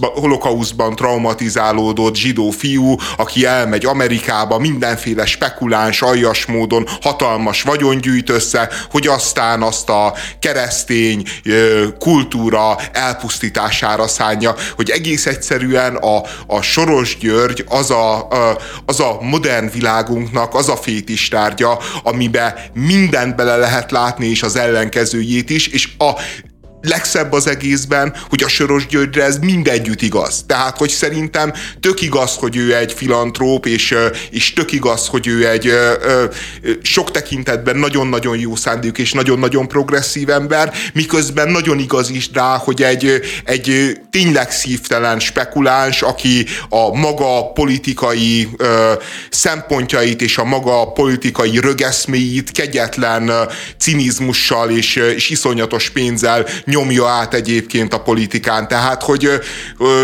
a Soros György musical, az remélem, hogy tényleg egy, egy jobb korszaknak az előhírnöke lesz, és, ez csak az első Soros György musical, mert ö, ahogy meghallja Bayer Zsolt, hogy készül Hollandiába ez a Soros György musical, ő is meg fogja írni a saját maga musicaljét. Nagyon remélem, nagyon remélem, hogy ez eljut Magyarországra is, és amúgy meg nagyon tetszik a felvetésed, hogy ebből kell csinálni kettő különt, és egyszer én, én, én azt szeretném látni, hogy tényleg egy, egybe lássuk az embert, tehát árnyalataival, a jóságával, a rosszságával, mindennel együtt, és ne kelljen ennyire szélsőségesen rágondolnia, meg, meg nem tudom, Az lenne a harmadik számú musical, amelyik próbálna egy árnyalt soros Hát vagy tudod, mutatni. mi lehetne, hogy így megvan a két musical, mind a kettőt fölvesszük, és akkor így egyszerre vetíteni le, vagy így öt percenként így átkapcsolni a másikra.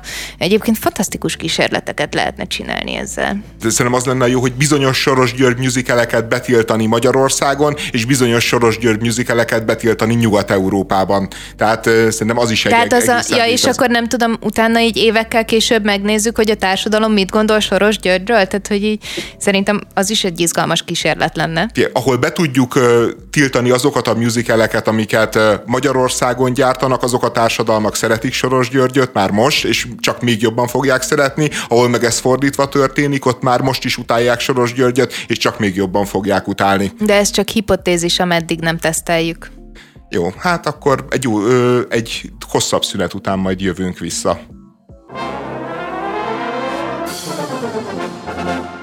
Putyin tovább komiszkodik. Nem csak az amerikaiakkal kötött atomfegyverkorlátozás mondta fel, hanem érvénytelenítette azt a rendeletet, ami Moldova önállóságát ismeri el, és kiszivárgott egy dokumentum, ami alapján Oroszország 2030-ig annektálni fogja Fehér Oroszországot az látszik egyébként, hogy ahogy szigetelődik el Putyin, és ahogy lesz egyre kilátástalanabb a háborúnak a lezárása, úgy, úgy érzi azt az orosz vezetés, hogy már nincs semmit vesztenie, és, és egyre keményebb dolgokba áll bele, és olyan, olyan nagyon-nagyon hosszú távú politikai ambíciókat is próbál most érvényesíteni, mint Fehér Oroszországnak az esetleges annektálása, vagy Moldovának az elfoglalása.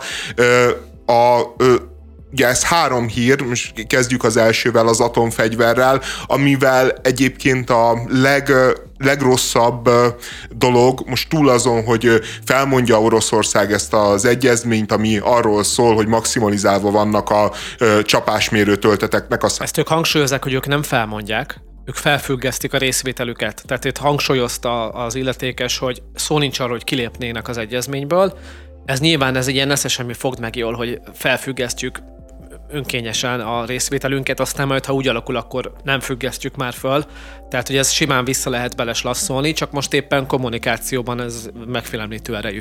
Igen, igen, tehát azt akarják ezzel jelezni, hogy nem minden áron akarunk atomversenyt, de készen állunk az atomversenyre, és elkezdjük az atomversenyt, hogyha arról van szó. És, és a, a rossz hír egyébként, hogy, hogy valójában én azt láttam a különböző média reakciókon, hogy ezt már senki nem veszi komolyan. Tehát, hogy a, a Putyin már annyiszor kiáltott farkast, már annyiszor lebegtette ezt az atomfenyegetést, és, és mind, minden esetben valójában nem hátrált meg a nyugat nagyon helyesen, és tovább támogatták Ukrajnát, sőt, fokozódik Ukrajna támogatása, és, és a Putyin minden egyes alkalommal, amikor ehhez a fenyegetéshez nyúl, egyre erő, erőtlenebb ez a fenyegetés, ami szerintem egyébként azért nagyon-nagyon rossz hír, mert, mert ez meg azt fogja indukálni, hogy, hogy, hogy valami keményebbet húzzon, hogyha, hogyha ezt a tematikát akarja a továbbiakban is használni. Na jó, csak nagyon nehéz az, hogy hogyan lőtt be, hogy ezekre hogyan reagálj. Mert hogy, hogyha minden egyes alkalommal ettől nagyon megijedsz, akkor ugye azzal megadod neki azt a fajta, nem tudom, elégedettséget, hogy igen, pontosan ezt akartam elérni. Hogy, ha teljes mértékben figyelmen kívül hagyod, akkor pedig lehetséges, hogy egyszer csak majd így elborul az agya, és akkor tényleg tényleg megteszi azt, amit ígérget, hogy lám-lám, nem féltetek tőle, és itt van. Tehát, hogy szerintem ez a patika mérlegen játszásnak nem tudom, hogy melyik a jobb módja, de lehet, hogy nem az, hogy teljes megfélem, vagy nem mutatod a teljes megfélemlítettséget, az nem biztos, hogy baj. Ez a dolog azért nem stimmel nálam, hogy a putyini Oroszország néhány havonta előáll az atomháborúnak a lehetőségével, mert emellett azt is folyamatosan propagálják, hogy elképesztő mozgósításba kezdtek, nem tudom hány százezres hadsereggel indultak meg ismét Ukrajna felé, egész Ukrajna fölött, tehát egész Ukrajna területén légibombákat szórnak le, és nem értem a kettőnek a kapcsolatát, mert hogyha ők egy hagyományos katonai akcióval eh, ahogy propagálják, nekik akkora erejű had, hadseregük van, eh, meg olyan létszámfölényben, meg technikai fölényben vannak, hogy ők eh, el tudják érni ezeket a sikereket, akkor mi szükség van? Eh, mi szükség van az atomfegyverekkel való fenyegetésre? Vagy akkor viszont mondják azt, hogy nem ment eh, tankokkal, meg vadászbombázókkal, meg kalasnyikovokkal, mert, mert nem megy, mert egy éve tart a háború, és láthatóan nem ment, és akkor, akkor viszont esetleg hozzányúlunk az atomfegyverekhez. Tehát akkor legalább ennyi fedezete legyen már ennek a fenyegetésnek, hogy az el legyen ismerve, hogy az a módszer, amit eddig próbáltak, az nem működött. Igen, de szerintem ők még nem adták fel, hogy ez a módszer ez működjön, mert, mert nyilván folyamatosan mozgósítanak, és, és, és a gazdaságukat is militarizálják, de egész egyszerűen ők attól félnek, hogy ahogy újabb és újabb nyugati haditechnikákat kap Ukrajna, úgy lesz, tehát ők mozgósítanak, kvázi ezzel nyernének, de Amerika mindig ad annyi plusz fegyvert, hogy az ő erőfeszítésüket semmisé tegye. Tehát és ez a pat, pat helyzet közeli állapot megmaradjon, és ők, ők attól akarják elriasztani Európát, meg Amerikát, hogy, hogy tovább még jobban támogassák Ukrajnát. Tehát most nyilván... Na jó, most de meg... most az atomfegyverekkel való fenyegetésnek nem ugyanúgy megvan a nyugati megfelelője? Tehát, hogy a helyzet nem változna meg attól, hogyha Oroszország bevet atomfegyvert, arra nyugat nyilván négy másik atomfegyvert fog bevetni, tehát ez, a, ez az egyensúly, ez, Tessék? Te ezt komolyan gondolod? Hát szerinted, hogyha, szerinted, hogyha az atomfegyver bevetése az világháború, azért ebben megegyezhetünk, nem? De szerintem nem. Szerintem... Atomfegyvernek a bevetése szerinted nem automatikus világháború? Abszolút nem. Én, én azt gondolom, hát milyen hogy... forgatókönyvet tudsz elképzelni? Hát én, én, azt gondolom, mert uh, ugye ezt a Zelenszky is ezt mondja, hogy azért nem fog be, bevetni atomfegyvert uh, a Putyin,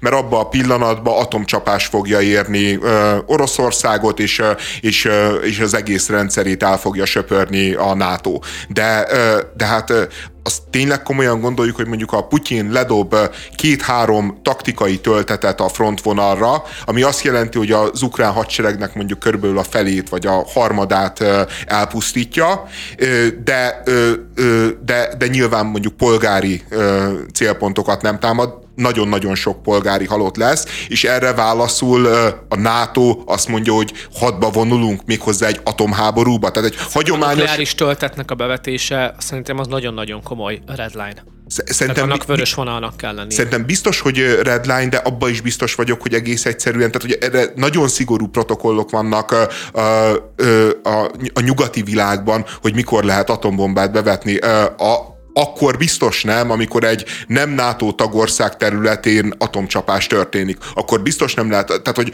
el tudok képzelni mindent, tehát hogy a teljes blokádot, el tudok képzelni nagyon-nagyon sok féle fellépést. Én megriadok attól a gondolattól például, hogy te azt mondod, hogy, hogy szerinted ilyenkor automatikus, mert, mert Annyira azért nem mérvadó a véleményem, mert nem vagyok de, a témának a szakértője. Igen, csak, megijedni azért ne ijedjen. Csak, a piros gomb fölött sincsen csak, ott a mutató ujjad. Jó, csak, csak egyáltalán, hogy erről így gondolkodunk, mert, mert az van, hogyha... De András, ő... várj, az atomháború, vagy az atomfegyverbevetés alatt azért a többség, az emberek többsége nem a taktikai atomfegyvereket érti, hanem mindenki Hiroshima-ra, meg Nagasaki-ra gondol, meg, meg még rosszabbakra Jó, Tehát, de, itt... de, de nyilván a, de, de a taktikai atomfegyver az első lépés, és arra taktikai atomfegyverrel válaszolni az, az atomholokauszt, tehát akkor vége a világnak. De éppen ezért tartom egy ilyen fedezet nélküli fenyegetőzésnek ezt a dolgot Oroszország részéről, mert pontosan tudják, hogyha belépünk abba a korszakba, hogy bármelyik fél akármilyen nukleáris fegyvert használ, ak- akkor mindenki veszít. Akkor Putyin is veszít, sőt, ő veszíti a legnagyobbat de hát szerintem meg mi veszítjük a legnagyobbat. Tehát, hogy azért az egy háborúban álló ország, itt, itt béke van, és, és, és, e, ezek, és ez a békés nyugat-európai társadalmaknak kéne felhatalmazást adni arra, hogy pusztuljanak el a következő. Hát, tehát én, én meg pont azt érzem, hogy sajnos az a helyzet, hogy a Putyinnak a kezébe ott van egy nagyon-nagyon rövid távú nyilván óriási áldozatokkal járó, politikai erkölcsi értelemben óriási áldozatokkal járó ö, ö, cselekvés, hogy ledobja az atombombát, de az nem jelent automatikusan atomháborút, az, az csak azt jelenti, hogy az ukrán hadsereget megtöri, és, és be tud vonulni Ukrajnába, ahol viszont olyan írtózatos gyűlölettel és olyan írtózatos ellenállással fog egy partizán háború kapcsán szembesülni, ami nyilván tarthatatlanná teszi a helyzetét. De, de tehát én azért abban nagyon reménykedem, hogy az atomháborúig nem jutunk el, de nagyon félek attól, hogy a Putyinnak a fenyegetőzése is, és az egyre fedezetebb nélküli fenyegetőzése az egész egyszerűen ki fogja ö, ö, provokálni magából a helyzetből azt, hogy, hogy valamit csináljon és valamit demonstráljon demonstráljon, különösen akkor egyébként, hogyha nincsenek a harctéren sikerek. Na jó, de most éppen nem ezzel demonstrál, hanem valójában ugye Moldovával, és a későbbi tervek szerint majd Fehér Oroszország, és ez szerintem egy nagyon fontos megállapítás, amit az elején mondtál, hogy Oroszország jelenleg abban a helyzetben van, hogy mindig is voltak birodalmi törekvései, amiket egyébként a világpolitikában betöltött szerepe, illetve a különböző egyezmények, a nyugati társadalmakkal kötött gazdasági kapcsolatok valamelyes szint szinten ugye gátoltak, hiszen ö, nyilván egy elzárkózást jelentett volna, hogyha Oroszország bármilyen lépéseket is tesz. Viszont most már megvan az elzárkózás, amitől lesz igazán veszélyes ez a törekvés, mert innentől kezdve teljesen mindegy, hogy Putyin mit csinál, mert nem lesz nagyobb a nemzetközi felháborodás, mert nem fognak több csúnya levelet írni neki az ENSZ-től, hogy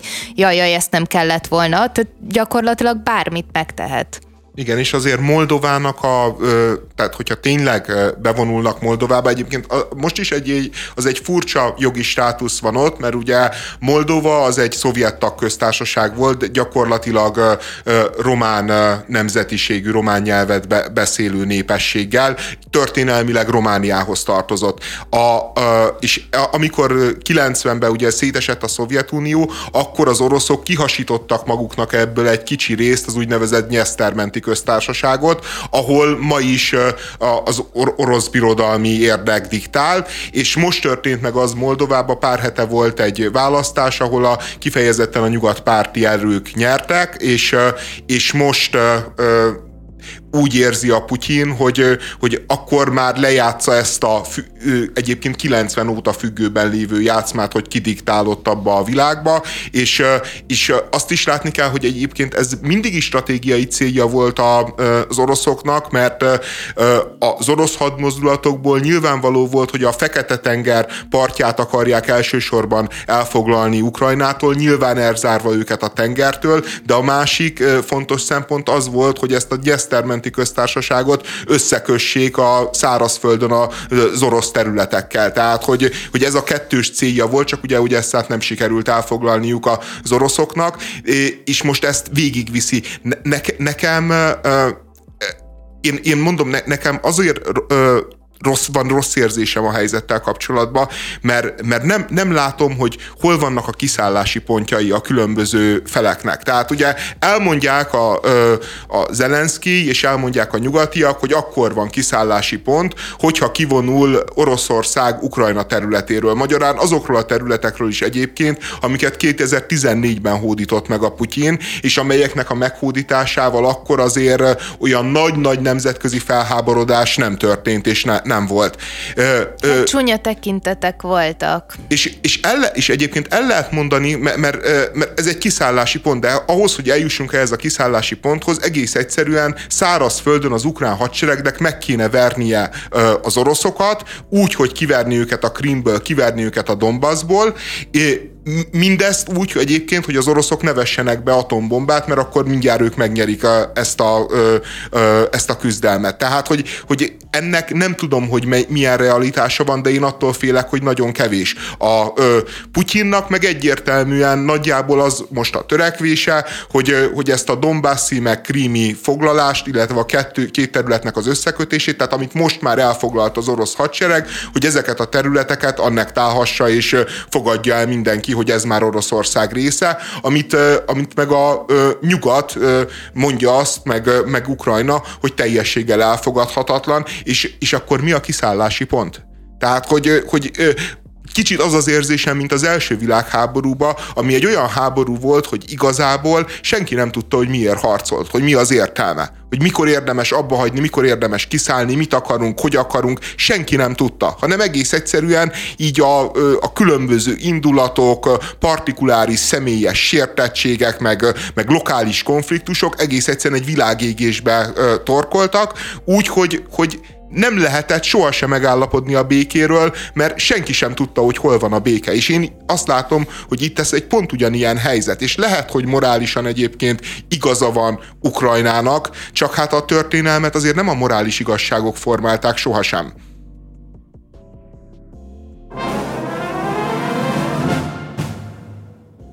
Tavaly a sorszám nélküli ötödik Sikoly filmmel sikerült feléleszteni a Slasher franchise-ot, idén már érkezik a folytatás.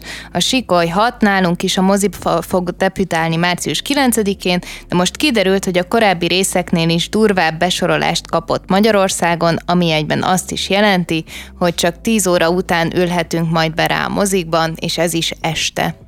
Ti hallottatok már erről az X-es besorolásról? Én eleve nem voltam azzal tisztában, hogy mozik esetében is létezik ez a, ez a napszakon belüli besorolás. Igen. Nyilván a karikák ott is vannak, de azt nem gondoltam volna, hogy van ilyen megkötés a moziknál. És, és egyébként teljes őrület, mert, egy, mert úgy van, hogy vannak a 18-as karikás filmek, amik azt jelentik, hogy, hogy kell felnőtt kísérőnek lennie, amikor beül mondjuk egy 16 éves, vagy egy 15 éves, vagy akár egy 9 éves gyerek, tehát mert elvileg nem ellenőrzik ilyen módon, csak, csak azt követelik meg, hogy kísérő legyen, és az ezutáni következő szint már nem az, hogy nem mehet be 18 év alatti, hanem a következő szint az, hogy 22 óra után mutatják be a filmet, amint csak 18 évben felüli emberek lehetnek, és, és hát ez, ezt általában egyébként a pornókra ö, szokták alkalmazni, meg, a, ö, meg az ilyen, ilyen na, nagyon kínzásos horror ö, ö, ö, filmekre, mint amilyen a fű, fűrész, meg, meg a mártírok volt ilyen, tehát vannak ilyen egészen elvetemült szörnyű véres állat, állatságok. A sikolyt, ahol bemutatják, ott sehol nem kapott ilyen szigorú besorolást egyébként Európa más országaiban. Mert hogy akkor ez egy ilyen magyar sajátosság? Ja, ja, ja, ja. Mi, miben miben nem tudom más a mi szabályozásunk, mint máshol? Jó, hát az biztos, hogy a, az új média törvény bizonyos tartalmakra, főleg a korhatáros klasszifikációval kapcsolatban példátlanul szigorú. Ezzel lehet vitatkozni, hogy jó vagy nem jó, minden esetre ezek az adottságok. Én ugye a rádiós piacsal kapcsolatban is ezzel valamennyire tisztában vagyok. Illetve hát itt az a kérdés, hogy a médiahatóság talán akkor most először mondja azt, hogy innentől kezdve a 18-as karika ennél a filmnél, ez nem csak egy ajánlás, hogy arra kérjük a szülőket, hogy ne nézessék meg a gyerekeikkel, hanem azt mondják, hogy ezt tényleg egy 18 éven alulinak sem kell látnia, és így aztán végképp ki van ennek a lehetősége kerülve. Tehát, ki, van, tize, ki van kerülve, vagy jobban ösztönzöd hát őket, mondta, hogy letör, letöltsék? Nem.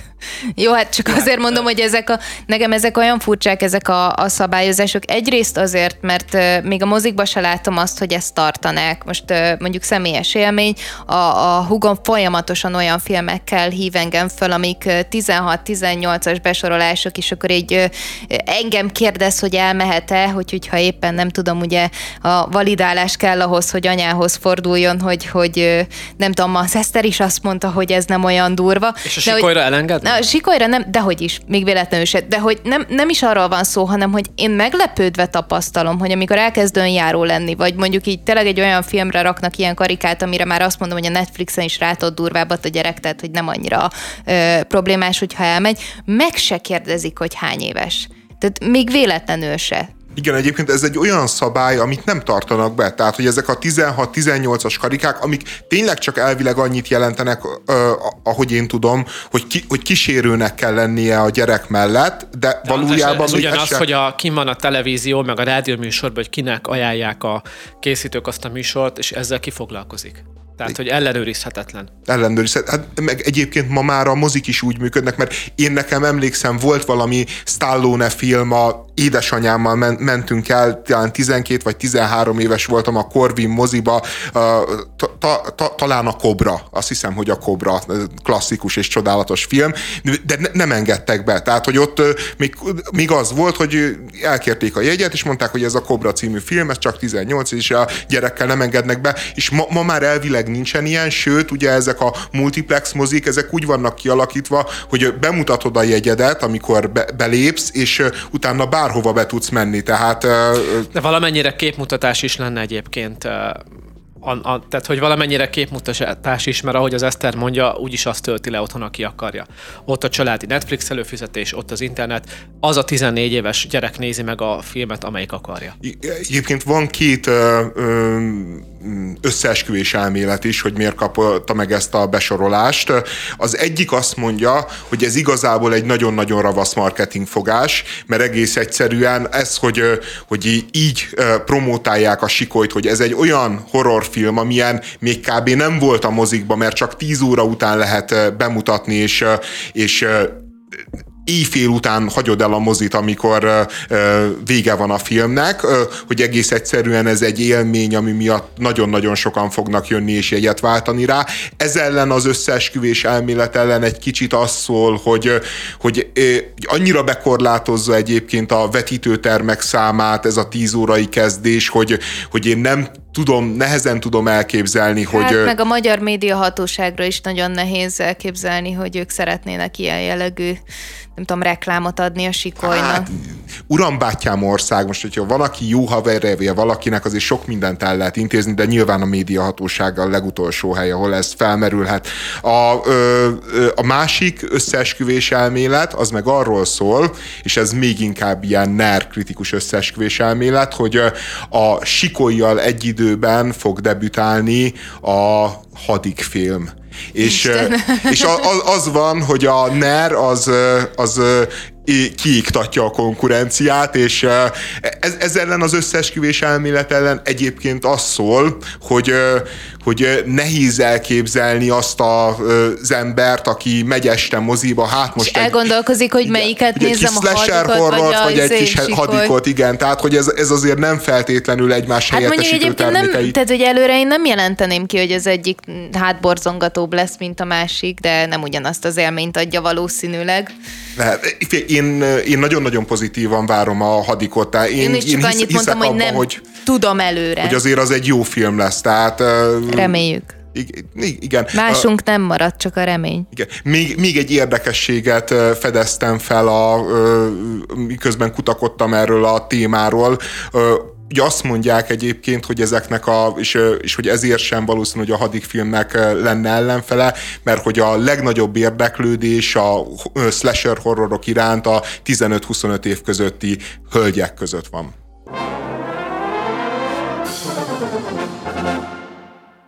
Új műsorszámmal debütálunk, mert eddig még nem volt példa arra, de szeretnénk rendszeresíteni, hogy úti beszámolókat közlünk.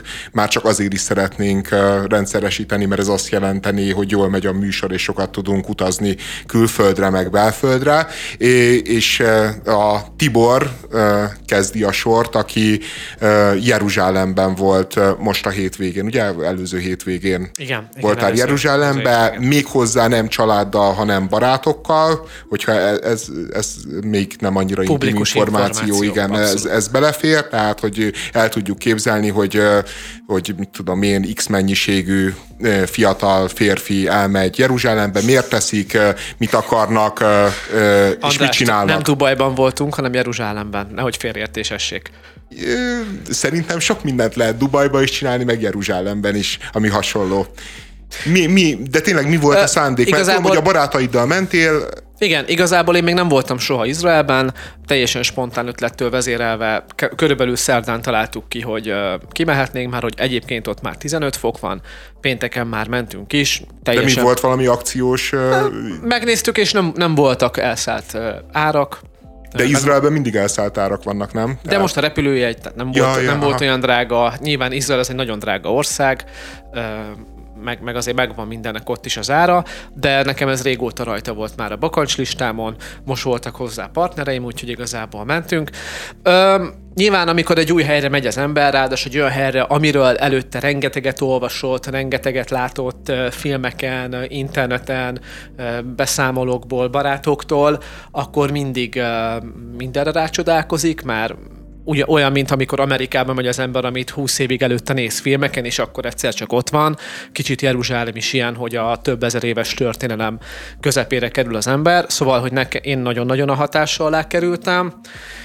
Nyilván még most is dolgozok föl bizonyos élményeket az ottani, ottani légkörrel, meg atmoszférával kapcsolatban, de talán az első és legfontosabb, hogy elképesztő az a szellemi pesgés, ami Jeruzsál, Izraelben, de azon belül is Jeruzsálemben, és azon belül is az óvárosban tapasztalható. Tehát arra gondolok, hogy ugye több vallásnak is a, a, az egyik fővárosa, Jeruzsálem, nyilván köztük a zsidó vallása is. Mi bementünk ugyan muszlim kerületekbe is, vagy muszlim többségű negyedekbe, de, de az utunk nagyobb részében inkább a biztonságosabb zsidó negyedekben voltunk, az óvárosi részen, és nekem elképesztő volt így először látni, megtapasztalni, hogy miért mondják ugye, hogy a közel-kelet igazából az a világ történelem, vagy azon belül is Izrael a világ történelemnek az epicentruma, mert mert azt megtapasztalni, hogy a zsidó vallásban hívőknek mennyire a hétköznapjairól szól vallás, mennyire nem a képmutatásról szól, és mennyire minden napjukat teszi ki a természet fölöttivel való foglalkozás és a természet fölötti hit, és hogy mennyire konkrétan gondolják azt, amiben hisznek, az, az valami elképesztő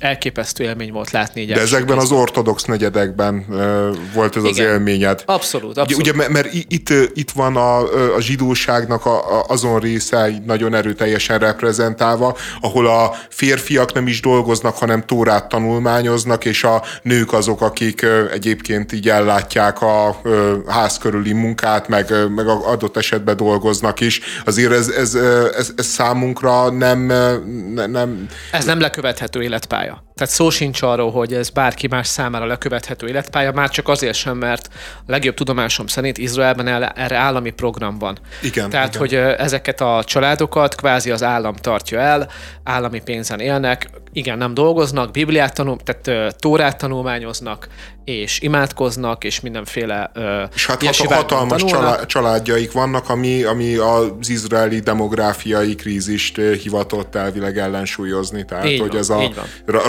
racionális és...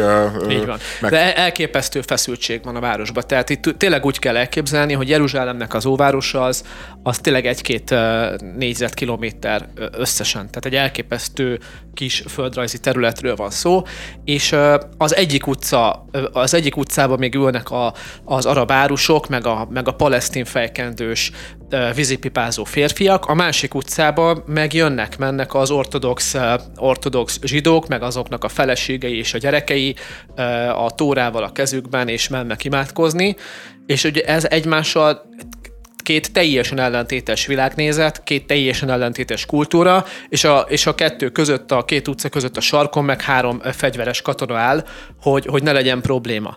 Tehát, hogy az a feszültség, amit egyébként Nyugat-Európában is lehet érezni, amikor az ember mondjuk egy nyugat-európai nagyvárosba betéved egy uh, muszlim többségű negyedbe, hogy micsoda kulturális változás van két utcával arrébb, az Jeruzsálembe három méter, vagy kettő, vagy egy. És ez, de, ez, de a feszültséget is érezted? Tehát, hogy így látszik, hogy ilyen ellenségesen néznek rád, vagy egymásra? Nem, rá, vagy... nem, nem, a turistákat senki nem bántja, mert a senkinek nem érdeke. Aha. Tehát amikor hallani Jeruzsálemben, vagy Izraelben késelésekről, ter- lövöldözésről, terrortámadásról, vagy ilyen, hogy mit tudom, belehajt a busz megállóba autóval, ezeket, ezeket rendszerint vagy zsidó civilek ellen, de még inkább katonák ellen szokták elkövetni, mert egyébként a, az Izraelben élő e, muszlimoknak is az egyik legfőbb bevételi forrása a turizmus, ugye? Tehát a, az muszlim árusok ugyanúgy árulják a katolikus kegytárgyakat, a protestáns kegytárgyakat, tehát ilyen probléma nincsen az ő világnézetükben. De, de, hát, de hát az elképesztő módon jelen van, tehát sétál az ember az utcákon, és random kiszednek a katonák embereket, és pakolt ki a zsebed, és mi van nálad, miért van nálad ez, van-e nálad kés, stb. Ez, ez a teljesen a hétköznapoknak a része. Aha. És uh, miket néztetek ebbe a három napban, mi fért bele, miket néztetek meg? Tehát uh, odaértetek, gondolom, lecucoltatok az Airbnb szálláson? Hát nem Airbnb, de nem. igen, lecucoltunk. Uh, úgy mentünk, hogy péntek, szombat, vasárnap, ezért Sabbat uh, pont belesett, tehát volt egy napunk, amikor alig volt nyitva valami, de ez nem volt probléma, mert egyébként sem akartunk uh, shoppingolni. Reggeltől estig shoppingolni, meg nem tudom milyen múzeumokba járni. Igazából a, leg, a legfőbb bibliai helyszínekre fókuszáltunk, nyilván a, az egésznek a, a közepe az a, az, a, az a Siratófal, vagy Nyugati fal. E, ott voltunk, megnéztük a Dávid városát, ami ugye az óváros mellett található Dávid királynak a palotájának a romjai. E, megnéztük akkor a, az alagutat, amiben be, lehet menni a Siratófal mellett a, e, le lehet menni, mert ott ugye Jeruzsálem az egy egymásra történelmi, különböző történelmi korok egymásra építették a, az épületeiket, amikor lerombolták, és a következő szintre jött a következő kor, és akkor így végig lehet követni, hogy 5 méterenként egy új évszázad vagy 200 éves ugrásokként, hogy ki milyen épületeket épített. Úgyhogy megné- megnéztük, a, a, amit a keresztények mondanak, a katolikusok mondanak Jézus sírjának, és amit a protestánsok mondanak Jézus sírjának. Az ezeket... különböző? Há, hogyne, persze. De ezt nem tudtam. Persze, és mind a De kettő... Miért? Mind, mert, mert erre nincsen egyértelmű történet, tehát százszerzelékos történelmi bizonyíték, tudományos bizonyíték nincsen arra, hogy Jézus Krisztust hol temették el, mind a két vallás irányzatnak megvan a saját narratívája, de százszerzelékos bizonyosság nincsen, minden vallási vezetőnek... Össze? Nem összeveszés kérdése, hanem pont az, hogy nincsen százszerzelékos tényanyag Aha. erre, ezért meggyőződések vannak, meg találgatások, mind a kettőnek lehet igaza, és nem biztos, hogy valamelyiknek igaza van. Ha. Tehát azt mondják talán, hogy több, nagyobb esély van arra, hogy, a, hogy a, amit a katolikusok tartanak Jézus sírjának, talán abban van a több igazság, de nyilván ez hitvita. Aha. Tehát ebben nem is érdemes belemenni, úgyhogy, úgyhogy ezeket azért végignéztük, igen. Aha. És uh, ne, nekem, amikor uh, ilyen történ- történelemmel, meg spiritualitással átitatott helyen vagyok, általában két típusú élményem szokott lenni vagy az az élményem, hogy így lenyűgöz meg letaglóz, vagy az, hogy így rácsodálkozom, hogy jé, csak ekkora, jé, hát, hogy ez milyen, milyen kis pici. Tehát, hogy... Hát ez nagyon megvolt ez az érzés. Tehát azok a, a azok a bibliai események, amikről sokat olvasunk, meg, meg, meg ismerjük őket, tehát ezek tényleg egy-két négyzetkilométeren zaj. Tehát ugye végig sétál az ember a, a, a Via Dolorozán, ahol Jézus Krisztus ugye végig hordozta a megkorbácsolás után a keresztet, akkor a Golgotának a hegye sem mondható meg százszerzalékig, hogy hol volt a keresztrefeszítés, de mondanak kettőt, és ezek ilyen 200 méteres távolságra vannak egymástól, és amit ez Via Dolorozán végsétálsz, akkor ott a Golgota, és a, a háromszögnek a harmadik része meg, ahol eltemették, és az az egész 500 méter mondjuk. Aha. Akkor a, Dávid, a Dávidnak a vár, a Dávid palotája az, az ott van a következő dombon, Betlehem, amire, ami meg Jézus Krisztus születése, meg mondjuk egy, egy völgyel arrébb. Tehát, hogy ezek ilyen majd, hogy nem belátható távolságok. Betlehemben is voltatok, mert az, Oda nem az, az arab terület, ugye? Tehát, hogy arab az... terület. Egyébként el lehetett volna menni, de nem mentünk el, már nem volt rá idő, meg, meg nem, nem most De várj, most három napban nem fér bele ez a... Tehát a három nap volt elég erre a két négyzetkilométerre, vagy... Hát rengeteg mindent nem néztünk meg. Tehát rengeteg... sétáltunk a három nap alatt 50 kilométert, szó szerint, mert az hmm. egyik barátom mérte az órájával, és uh, sok minden belefér, de hát rengeteg minden. Tehát eh, Jeruzsálem óváros az tényleg olyan minden egyes sarok, uh, olyan történelmi jelentőség, hogy egy külön látogatást megér. Tehát, hogy elképesztő zarándok helyek vannak, ugye reng, számtalan bibliai eseménynek a helyszíne, ott van például a felház, eh, ahol, a, ahol mi, mi a felház, bocsánat? A felház az, ahol a, ahol a tanítványok Jézus születése után összejöttek, 120-an, és oda küldte el Isten a Szent Szellemet először. Ott született ha. meg a korai egyház. És onnét jött az Orbán Gáspáréknak a szervezetének innen van az el, a Igen, innen van, innen van az elnevezés. De ott van akkor, mit tudom én, az Absolonnak a sírja, rengeteg bibliai hősnek a sírhelye. Tehát, Ki az rendkív... az Absolon? Absolon Dávid királynak az a fia volt, aki föllázadt ellene, és meg akart ölni a saját apját azért, hogy ő lehessen a király. De Aha. elbukott a lázadásra, és, és meghalt. Aha, hogy mik vannak meg neked. És, a, és azt mondod, hogy egy át, át, Olvastad a Bibliát? Jó, azért az az olvastad a Bibliát, azért nem tudom, hogy láttad de már, de az egy viszonylag vastag könyv. Nem, András, én még nem láttam. Én, én csak a rövidítettet olvastam el belőle. Én amúgy elolvastam. Esküszöm. Egyszer tényleg elolvastam. A képes Biblia volt, nem? Nem, azt, azt már korábban. Tényleg az Absalonnak a története az tényleg olyan, hogy az nagyon, az nagyon közismert. Té- csodálkozom rajta. Ne, ne, nem, nem hallottam, a nevet a név sincsen meg. Nem, adás hát annyira... után beszélgetünk még egy picit, András. Jó, jó. Uh, a hitszakört elindítjuk itt. Tehát uh, ma- magyarán uh, azért három nap elég egy, uh, egy uh, na- nagyon... Három nap az arra elég, hogy kutyafuttában végigjárod a mondjuk a 4-5-6 legfontosabb helyszínt, de úgy, hogy akkor térdig legyaloglod a lábodat. Neked van kérdésed, Eszter? Mint nem, a... nem kifejezetten, én olvastam a Bibliát. Hm. Somlai Bálint és cége a Raw Development Kft. beperelte a Telex.hu-t, mert az a Matolcsi Ádám barátja nyerte az MNB napelemes közbeszerzését címen írt meg egy cikket. Ezt a pert a Telex jogerősen megnyerte. Mit gondolunk? Mire gondolhatott egy... a, a felperes, hogy nem fogja megnyerni ezt a pert? Tehát a leírták a tényt, hogy ő Matolcsi Györgynek a az egyik legjobb barátja, és 55 milliárdért nyert közbeszerzés, hogy felújítsák a Nemzeti Banknak az épületét. Nem Tehát is értem, a barátság a olyan nehezen megfogalmazható dolog, De nem? Ismerőse. Meg Tehát üzlettársa, meg nem üzlettársa. tudom. És ugye azt vitatták, hogy ugye az, az üzlettársat azért vitatták például, mert ugye, hogy nem üzlettársa, hanem alkalmazottja volt. Tehát, hogy akkor az már nem üzlettárs, hogyha ő fizetést kapott és nem osztalékot. Nem, nevetni. Hát játék a szavakkal az egész. Egyébként egy, egyébként most ez egy semmi, semmi másról nem szól egy, egy ilyen per, mint a megfélemlítésről. Tehát a sajtónak a megfélemlítéséről, hogy, hogy féljél bármit is leírni, mert nekem nagyon-nagyon sok pénzem van, nagyon-nagyon sok időm van, és akarod-e azt, hogy én bíróságra rángassalak téged? De hát ne viccelj, András, mind a két oldalon mindenki él a sajtó helyreigazítási perekkel. Tehát, hogy, hogy egész egyszerűen nem akarod, hogy a neved valami rossz fényben tűnjön tűnjön fel, akkor, akkor a másik oldalon is szoktak sajtópereket indítani. Igen, de, a, de azért ennyire, jó, van ilyen alaptalan sajtóper a másik oldalról, emlékszem egyre, amit a DK-s képviselőnő, aki mellett most állt ki a Gyurcsány, indított a Válasz Online-nal szemben. Na igen, arra emlékszem, egyébként olyan perekre emlékszem az ellenzéki oldalról, amik a kormánymédiának mentek neki, és mind megalapozott vagy a döntő részük megalapozott volt, és nagyon-nagyon sok pénzt nyertek e, ezek a perek, miközben ez a per semennyire sem megalapozott, és, és teljesen értelmetlennek tűnik, ha csak nem az az értelme, hogy alapvetően küldjön egy üzenetet a, a sajtó felé, hogy, hogy eddig és ne tovább, ne, nem fogjuk tűrni azt, hogy, hogy ti célozgassatok, utalgassatok rá,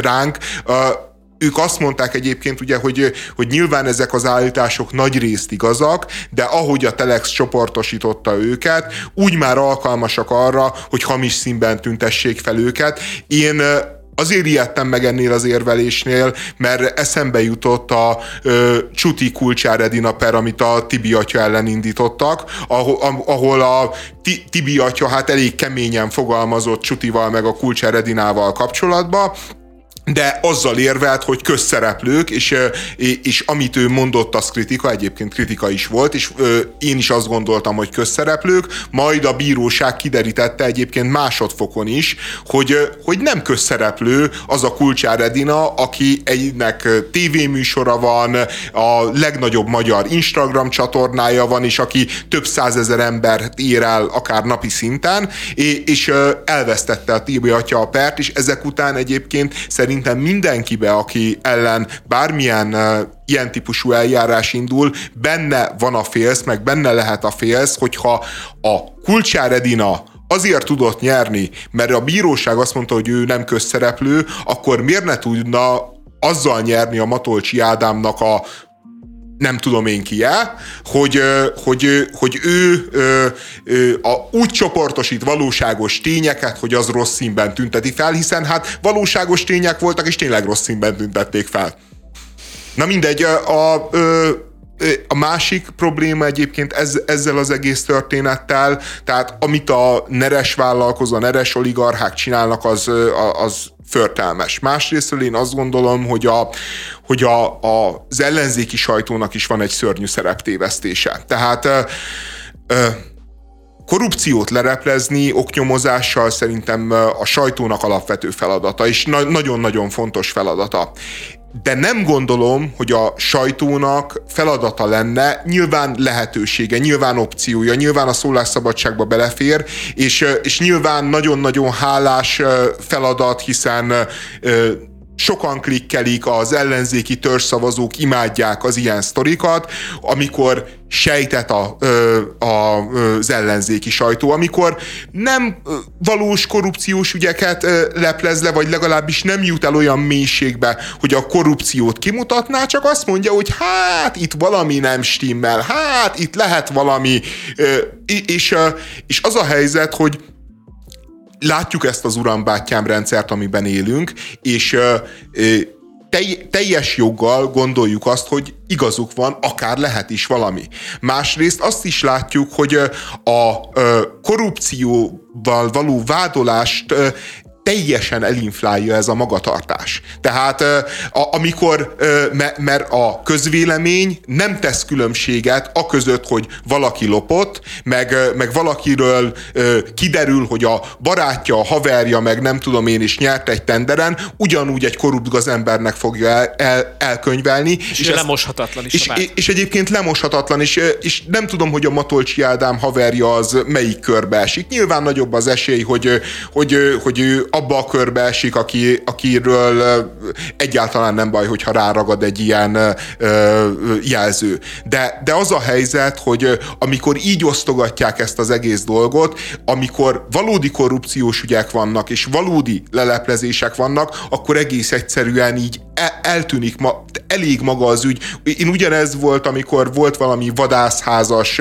történet, amit a hatházi leplezett le, és körbecipelte a, a, az ellenzéki sajtó is, és imádták az ellenzéki kommentelők, hogy na igen, így működik az Orbán rendszer, miközben gyakorlatilag korrupció nem volt kimutathatóan. Van egy nagyon-nagyon rossz uniós pályázati rendszer, uniós jelzem, amivel visszaélnek a Fidesz közeli potentátok, meg Fidesz közeli politikusok, de, de kimutatható jogsértést nem követnek el, és az egész ügy volt valami, mit tudom én, egy 20 vagy 30 millió forintos támogatás, és, és itt Magyarországon nem a 20-30 millió forintos ö, ö, rossz EU pályázatok a probléma, nyilván persze az is egy probléma, hanem az, hogy szektorokat lopnak el. Az, az a probléma, hogy törvényeket hoznak a, arra, hogy, hogy kihasítsanak az állami vagyonból iszonyatos vagyontesteket saját maguknak, és, és amikor ezeket a 20-30 milliós ügyeket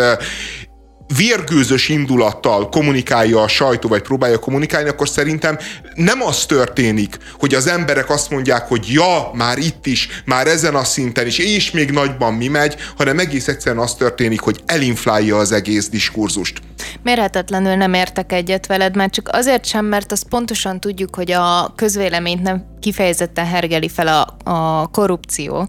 Ugyanis, hogyha ez így lenne, akkor már régen lehetett volna de az ellenzék megválasztásnál. Igen, de hogy, de hogy konkrétan abban meg szerintem nincsen igazad, hogy azért nem szabad az újságoknak feltárni a különböző kisebb ügyeket, amik egyébként lehet, hogy nem jogsértőek, csak nem tudom, ügyesen kihasznált Európai Uniós források. Visszaélések, azok is visszaélések, azok is a, lehet, hogy csak 30 milliót, de a köztől lopnak el pénzeket, és azt igenis lehetett volna más ö, fejlesztésekre használni.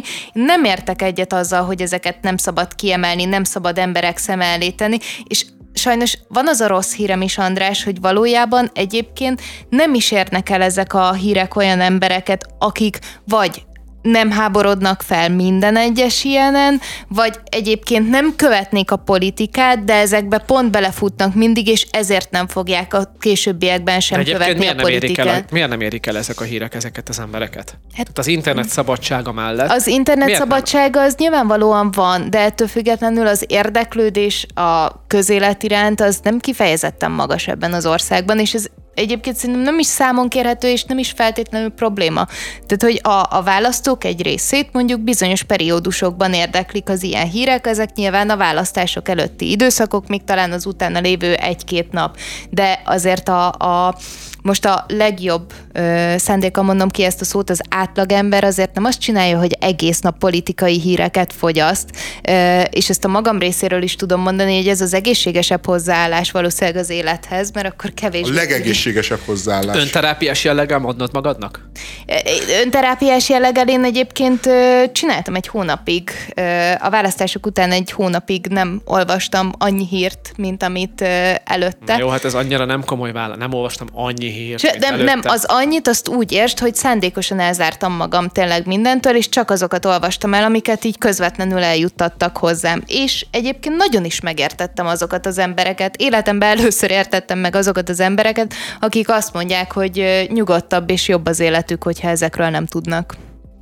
Én a, az, hogy feltárni, tehát, hogy nekem semmi bajom nincs azzal, hogyha feltár nak valamit, tehát ha feltárnak. De az, hogy kikinek az ismerőse, meg kinek a haverja egy 10 milliós országban, az egész egyszerűen, tehát, tehát az, hogy a Matolcsi Ádámnak a barátja nyer egy tendert, ez szerintem önmagába nem szabadna, hogy hír legyen, meg nem szabadna úgy viselkednünk, mint hogyha feltárnának valamit, mert hogyha nagyon sunyítani akarnának, akkor a Matolcsi Ádám barátja az alapítana egy offshore céget, és az offshore cégen keresztül nyerné meg a, a tendert, másrészt meg, meg van még ezer fontos szóval, dolog. Szóval, hogyha az orrod előtt el, pofátlanul csinálom, de, akkor engem nem lehet számon kérni, de, ugye? De, de hogyha pofátlanul csinálják is az orrom előtt, akkor, akkor ne az legyen, hogy pofátlanul csinálják az orrom előtt, miért is mit csinálnak, azt nem mondom, de a Matolcsi Ádám barátja mondja meg, hogy pofátlanul egyedül indult el egy pályázaton, mert az már egy mondás, hogy azon a pályázaton nem volt versenytárs, és, és úgy nyerte meg, tehát, hogy az már tényleg több, mint gyanús. A feltárással kapcsolatban szerintem még az is probléma így, hogy ezek már miért nem lépik át az emberek inger küszögét, mert az elmúlt tíz évben számtalan korrupciós ügyet tárt föl elvileg az ellenzéki média, meg az ellenzéki politikusok. Ezek közül is vannak ebbe kiemelkedő teljesítménynyújtó politikusok, akiknek kvázi 100%-ban abból áll a tevékenységük, hogy korrupciós ügyek után nyomoznak, vagy látszólagos korrupciós ügyeket szeretnének föltárni, és azzal, hogy ezek már tíz éve olvashatóak a különböző portálokon, viszont nem társul melléjük politikai ajánlat, és nem társult melléjük olyan ajánlat, ami alternatíva volt a társadalom többsége számára, ezért ma már ezek szinte, hogy mondjam, tehát már nem tudsz annyi milliárdot mondani, aminek az ellopása átlépi az inger küszöböt, hiszen már hallottuk, tudjuk, oké, okay, mi következik belőle? Tudunk, van alternatíva? Tudunk másra szavazni? Csak ne legyünk igazságtalanok, mindig is egy elszámoltatás nélküli ország voltunk, nem csak most.